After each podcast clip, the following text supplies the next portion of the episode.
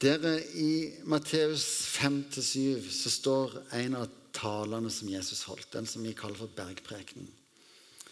Eh, og Det var utgangspunktet òg sist jeg talte, eller iallfall en gang tidligere. Eh, eh, altså I, i Nytestamentet så kan vi jo lese mye om Jesus og disiplene. Vi forteller hva, hva Jesus gjorde, og disiplene gjorde. Det blir sitert hva han sier og masse historie.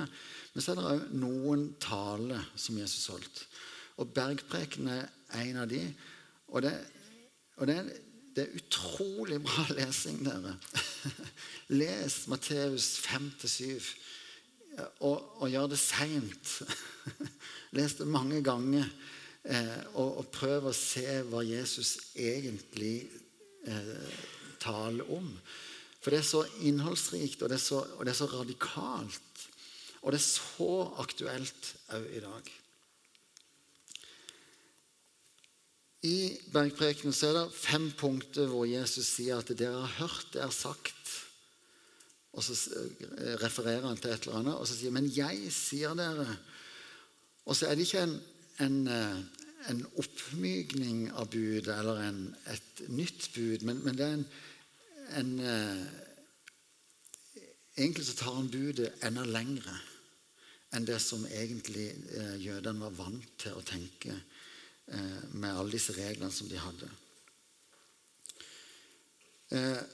og så er det sånn at vi, vi, vi, er vant til å tenke at vi lever jo ikke lenger under loven. ikke sant? Vi lever jo under nåden. ikke sant? De gamle, alle de gamle lovene og forskriftene det var jo bare for, før Jesus. ikke sant? Og ja, for frelsen. ikke sant? Så, så har Jesus gjort alt. I, for frelsen så lever vi under nåden. Men Jesus har likevel et liv for oss som han ønsker at vi skal leve. Eh, og så kan vi se på det som masse eh, og forskrifter og, og burde og skulle og måtte og, og alt det der. Dårlig samvittighet og hele pakka.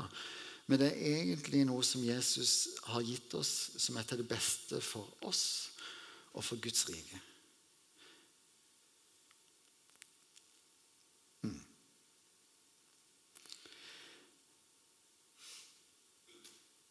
Midt i, eller, men jo, midt i denne her eh, undervisninga så er det det som vi kaller for den gylne regelen. Det står i Matteus 7, vers 12. Vi kommer kanskje følge med på den òg. Alt du vil at andre skal gjøre mot deg, skal du gjøre mot dem. Dette er loven og profetene. Og altså vi er, vi er, vokst opp med den gylne regelen, og jeg har aldri egentlig tenkt over hvor radikal den egentlig er. Eh, det er på en måte sånn vi er vant til å tenke, og jeg har liksom også tenkt at eh, dette var vanlig tankegang òg når Jesus levde. Men det var egentlig noe helt nytt nå som Jesus kom med her. Det er egentlig så radikalt. Eh, og, det, og, det, er så radikalt òg i dag. Vi tror, iallfall tror jeg, jeg liker å tro, at dette er på en måte hva vi lever etter. Dette er hva samfunnet vårt er bygd opp på. Men det er så radikalt, egentlig. Eh, men vi skal gå litt igjennom. Eh, jeg må, jeg må bare be en gang til. Kjære Jesus. Takk for ditt ord. Og takk for at du har det beste livet for oss. Eh, hjelp oss til å se eh, Hjelp oss til å se din kjærlighet i, i hele ditt ord. Hjelp oss til å se at det ikke bare handler om, at det handler om begrensninger, men at det handler om muligheter. Mm. Hjelp oss til å se hva dette betyr for oss i dag. Hva det betyr inni mitt liv, inni hver enkelt av oss liv og inn i oss for oss som menighet, Jesus. Jeg bare ber om at du, at du formidler nå fra ditt hjerte det som, det som, skal bli sagt nå. Tal til oss sånn som bare du kan. Eh, mm. Amen.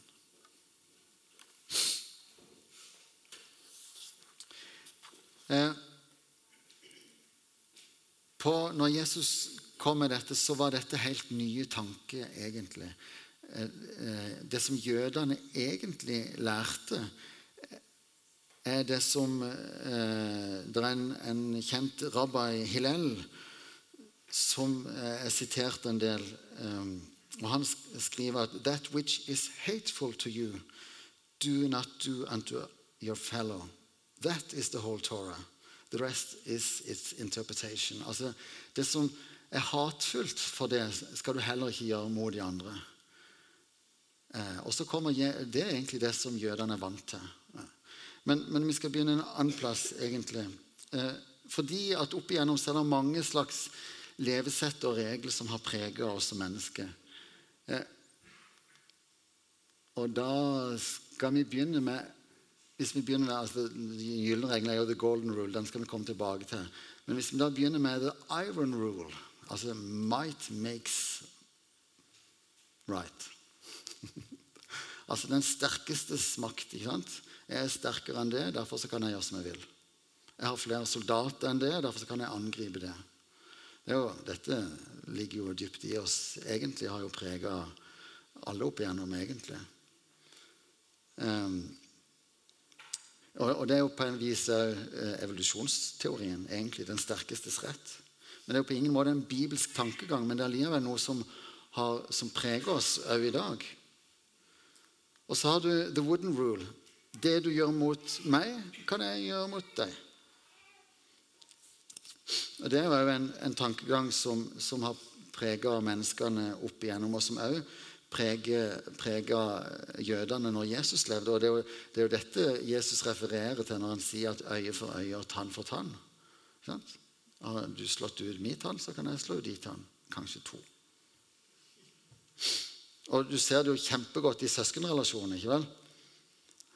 Eh, Iallfall i mine barn så kunne du se det. Ikke sikkert dere har sånne barn. Men, eh, men han slo med, og da kan jeg slå tilbake, helst litt hardere. Han tok ett av mine godteri, da kan jeg ta to av hans. Sånn rettferdighet kaller vi det, ikke vel? Sånn preger oss alle, tror jeg egentlig. Og så har du the silver rule, som, som jødene egentlig var veldig vant altså Det var den fromme eh, tankegangen som, som, var på Jesu tid. Um, og Du finner den i ja, de apokryfe skriftene, og du finner den ja, egentlig mange plasser. Uh, det du ikke vil at andre skal gjøre mot deg, skal du heller ikke gjøre mot dem. Og Det er jo egentlig ganske lik på den gylne regel, bare med et negativt fortegn. Så sånn at på en måte veldig lik, men så er den òg enormt forskjellig i, eh, i, eh, i, konsekvenser. Og jeg tenker at dette preger oss i dag mye mer enn iallfall jeg har tenkt at det gjør. Men vi kaller det kanskje for kardemommebyloven. Man skal ikke plage andre, man skal være grei og snill. Men for øvrig så kan man gjøre hva man vil. Vi, vi skal være greie med hverandre. altså det du, vil, det du ikke vil, at andre ikke skal gjøre mot deg, det skal du heller ikke gjøre mot dem. Men ellers så kan du gjøre hva du vil.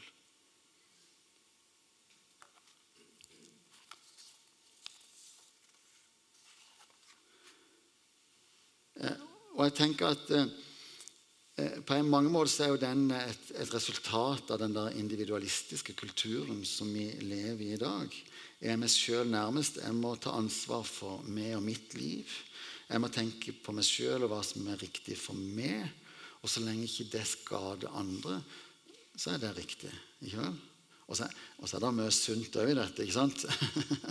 sånn at det er jo ikke eh, Ja.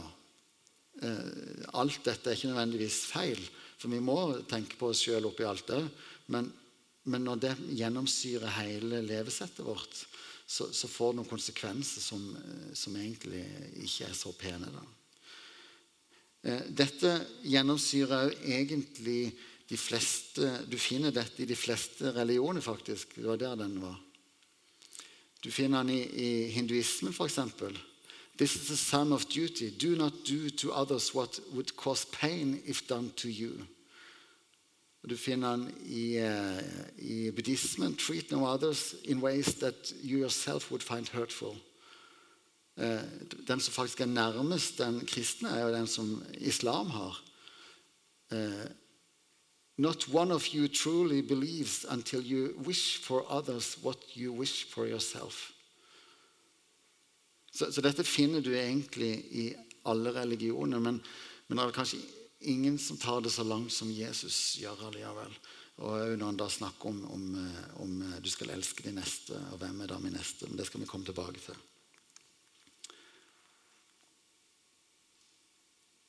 Og så kommer vi til det som da blir Men det har forskjøvet seg. Ja. The golden rule. Alt du vil at andre skal gjøre mot deg, skal du gjøre mot dem.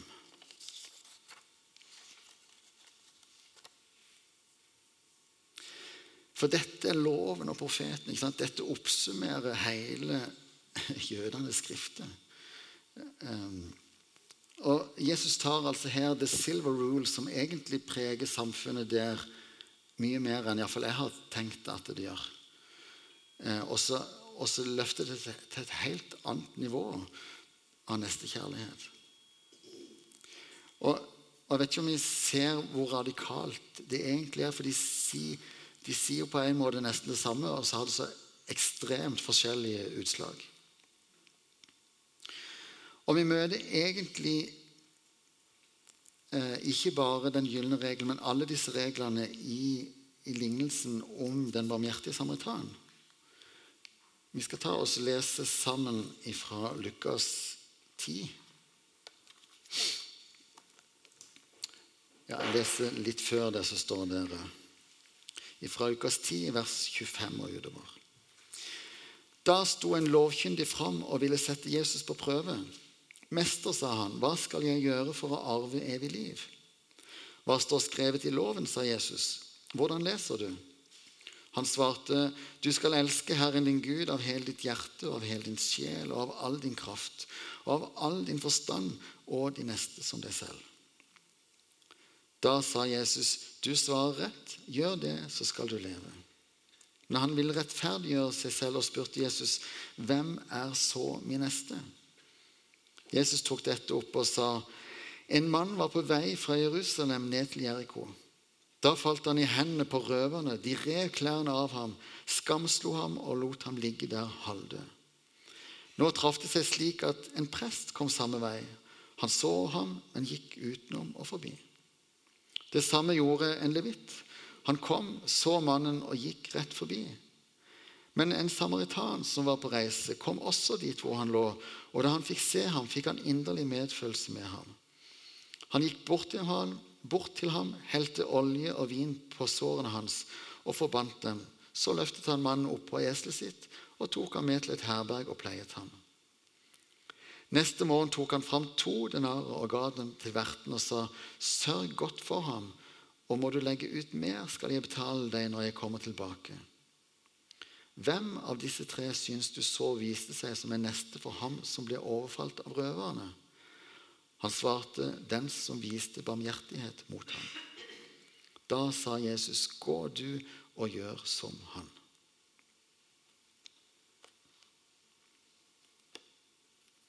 Jeg vet ikke om dere ser det, men Egentlig så finner vi alle disse her uh, iron rule og wooden rule i her, i historien. Hvis du ser på røverne, de ler jo etter iron rule. ikke sant? Jeg er sterkere enn det, derfor kan jeg slå. Vi er flere enn det, derfor kan vi angripe og ta det du eier. Ikke vel? Den sterkestes rett. Og så kommer presten riende forbi. Jeg er litt usikker på om det er the wooden rule eller silver rule som han lever etter. Men han tenker antagelig som så at eh, jeg har ikke gjort noe som helst her, så eh, jeg har faktisk aldri sett den mannen før. ikke sant? jeg trenger ikke gjøre noe. Han er helt uskyldig oppi dette. Eller han kan ha tenkt at takk Gud at ikke jeg traff på disse røverne. Det er helt utrolig hva andre får seg til å gjøre mot uskyldige mennesker. Sånn oppfører man seg bare ikke. ikke? Best jeg skynder meg, så jeg eh, kommer videre før eh, de kommer tilbake og angriper flere. Altså? Her lever han jo egentlig helt trygt innenfor både the wooden rule og the silver rule. Han har jo ikke gjort noen ting og trenger heller ikke gjøre noe tilbake. da, ikke vel? Og så har du samaritaneren som kommer. Han lever etter den gylne regelen. Han gjør det som han visste at han hadde trengt om det var han som hadde blitt overfalt. Og for å understreke poenget her, så er det jo en samaritaner som er den som lever etter den gylne regelen. Jødene hadde jo den silver rule eh, som de levde etter, men det var jo strengt tatt bare egentlig mot andre jøder. Når det kom til andre folkeslag, så trengte de ikke eh, ja, Da kunne de jo mer gjøre som de ville, egentlig. Sånn at når det til og med da en samaritaner som, som på en måte var folk, et folkeslag som de så ned på, som de unngikk, så, så kunne de så tar han både nestekjærlighetsprinsippet enda lengre, både til hvem, hva, han, hva, som er, er, riktig å gjøre, men òg mot hvem det er riktig å gjøre det.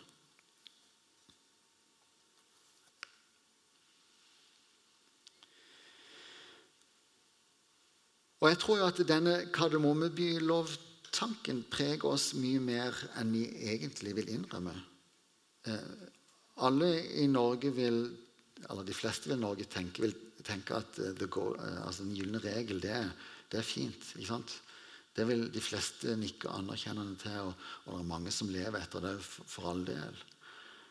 Eh, og Det er jo en, en del av, av, den kristne kulturarven som vi, vi lever i. Hvis du ser på på verdiene til humanetikerne, f.eks., så er jo de så preget av, av, den kristne kulturarven at det er jo kjempemasse der som vi, som, eh, som vi kan nikke anerkjennende til.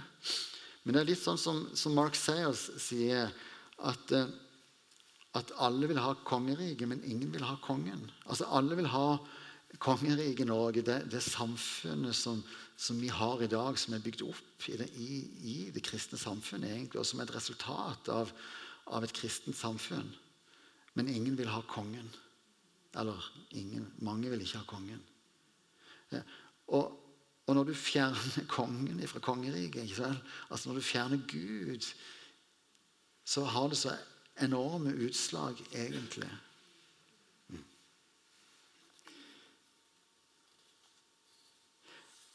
Og jeg, jeg er redd at tankegangen om, om at, at, vi må eh, sørge for oss sjøl Det strekker seg langt inn i Kristen-Norge, langt inn i Kirke-Norge. Eh, og jeg vet ikke om det òg er et resultat av, av en, at vi er en sånn veldig individualistisk tro, hvor tro er blitt en, en privatsak, og, og tro er blitt noe som noe helt privat, noe som vi er mitt. Og så har vi overlatt eh, alt det andre til samfunnet.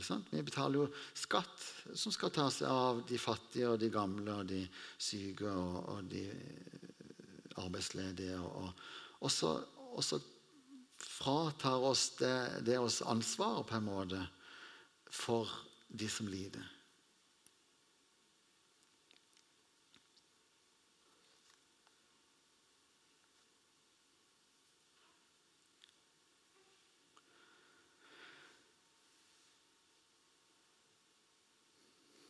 I hvilken grad ser vi de som er rundt oss, som har behov på et eller annet vis? Om det er, eh, om det er bare eh, en klapp på skuldra, om det er et hei, om det er en middagsinvitasjon, om det er eh, bare helt sånn praktisk hjelp. Det, men, men det er så mange nivåer her.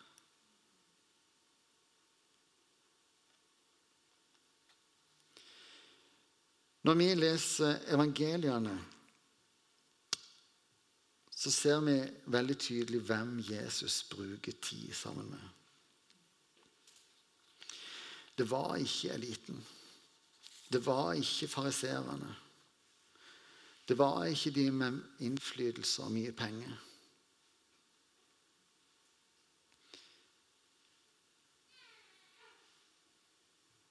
Jeg kan jo tenke at eh, jeg synes jo det rent strategisk så måtte det vært mye lurere å bruke tid på de med innflytelse og makt og mye penger. Tenk hvis han hadde fått alle fariseerne, hele presteskapet, over på sin side. Det måtte jo vært mye lurere. Det er ikke alltid min logikk er lik med Guds logikk.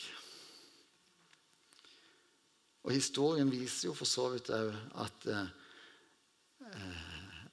at ja, altså Bare snaue 300 år etter Jesu død så var jo kristendommen blitt statsreligion i hele det romerske imperiet. sånn at det, Evangeliet hadde en enorm slagkraft, sånn som, sånn som de levde det ut.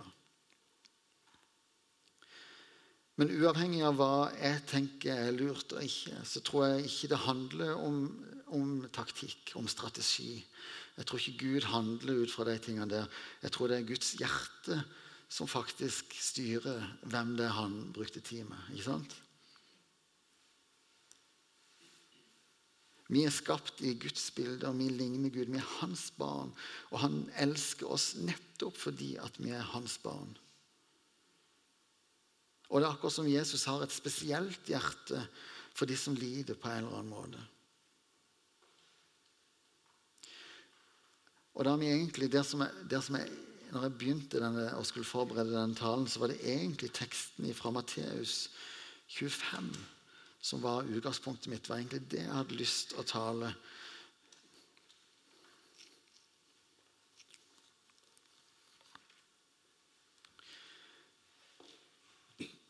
Fordi at det sier noe om, om, om, Guds hjerte og hvem Gud identifiserer seg med.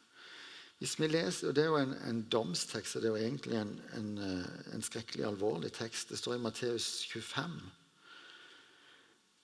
Eh, og, og, Det handler om når, når Jesus eh, skiller sauene fra geitene. ikke sant? Han skiller dem, og så, og så sier han eh, først til sauene, hvis vi leser fra vi har det her. Matteus 25, vers 35-40. Så sier han, for jeg var sulten, og dere ga meg mat.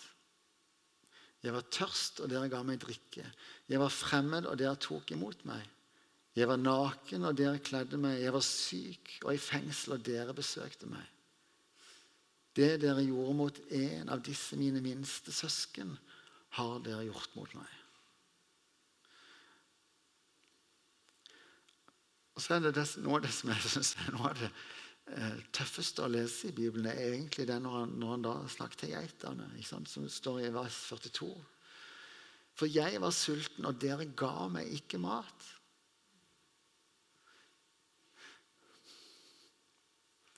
Jeg var tørst, og dere ga meg ikke drikke. Jeg var fremmed, og dere tok ikke imot meg. Jeg var naken, og dere kledde meg ikke. Jeg var syk og i fengsel, og dere så ikke til meg. Det dere ikke gjorde mot en av disse mine minste, har dere heller ikke gjort mot meg.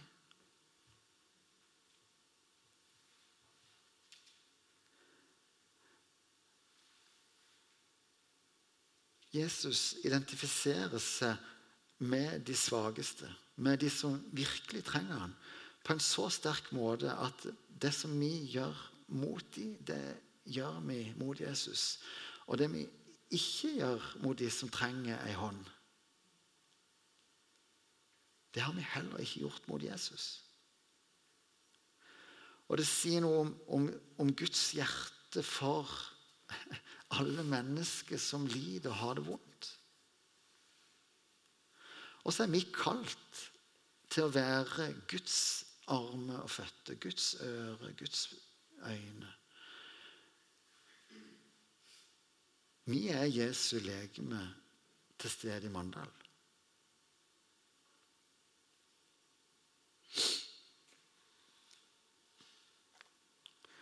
Og så er dette vanskelig, og, nå, og, jeg ønsker egentlig å utfordre deg sterkt i dag. Og så må dere eh, la det prelle av det som skal prelles av. Også, også, men, men, men, spør Gud hvem, hvem er min neste?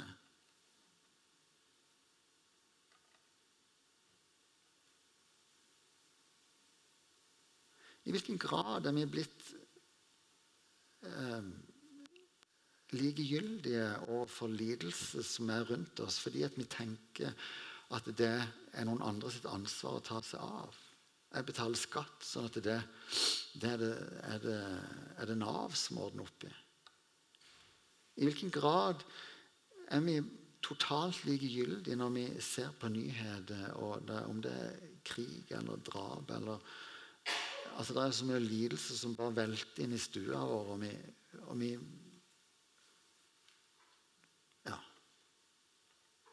Og så kan vi ikke hjelpe alle. Altså Det er jo en, en del av bildet. Men vi kan ikke hjelpe alle.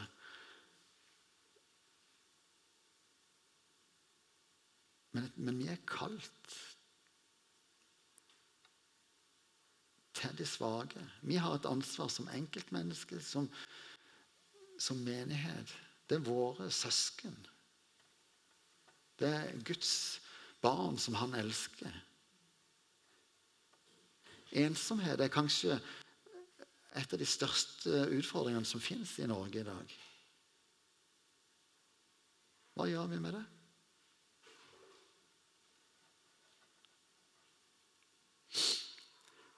Jeg tror jo at eh, Gud har noe for oss både som kirke og som enkeltmenneske i dette. Og nå skal vi jo til Vennesla på, på, torsdag, de som har lyst til å være med på det. Ikke for å, å, på en måte kopiere det som de gjør der, men for å la oss inspirere av det de gjør til. Hvordan kan vi bety en forskjell her i vårt samfunn i Mandal i dag? Hvordan kan vi som menighet gjøre en forskjell? Hvordan kan vi hjelpe hverandre til å og faktisk gjøre noe, til ikke bare bli likegyldige og sige ned i stolen og se på TV. Det er lov, det òg, men uh,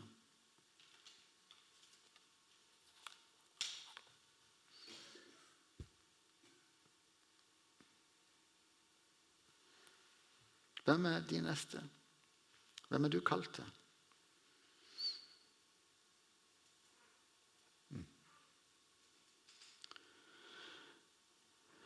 Vi ber sammen. Kjære Jesus, takk for at du elsker oss. Og takk for at du har dødd på korset for hver enkelt av oss. Og takk for at, at det å være ditt barn er noe som ikke vi kan gjøre oss fortjent til. Det er noe som er fordi at du har skapt oss, og du elsker oss, og du har dødd på korset for oss. Det kan vi bare ta imot. Og så ber jeg om at du viser hver enkelt av oss hvem du kaller oss til. Hvordan kan vi være, gjøre en forskjell for, for andre av dine barn? Hvordan kan vi være dine armer, dine ører, i det samfunnet som du har plassert oss i, Jesus?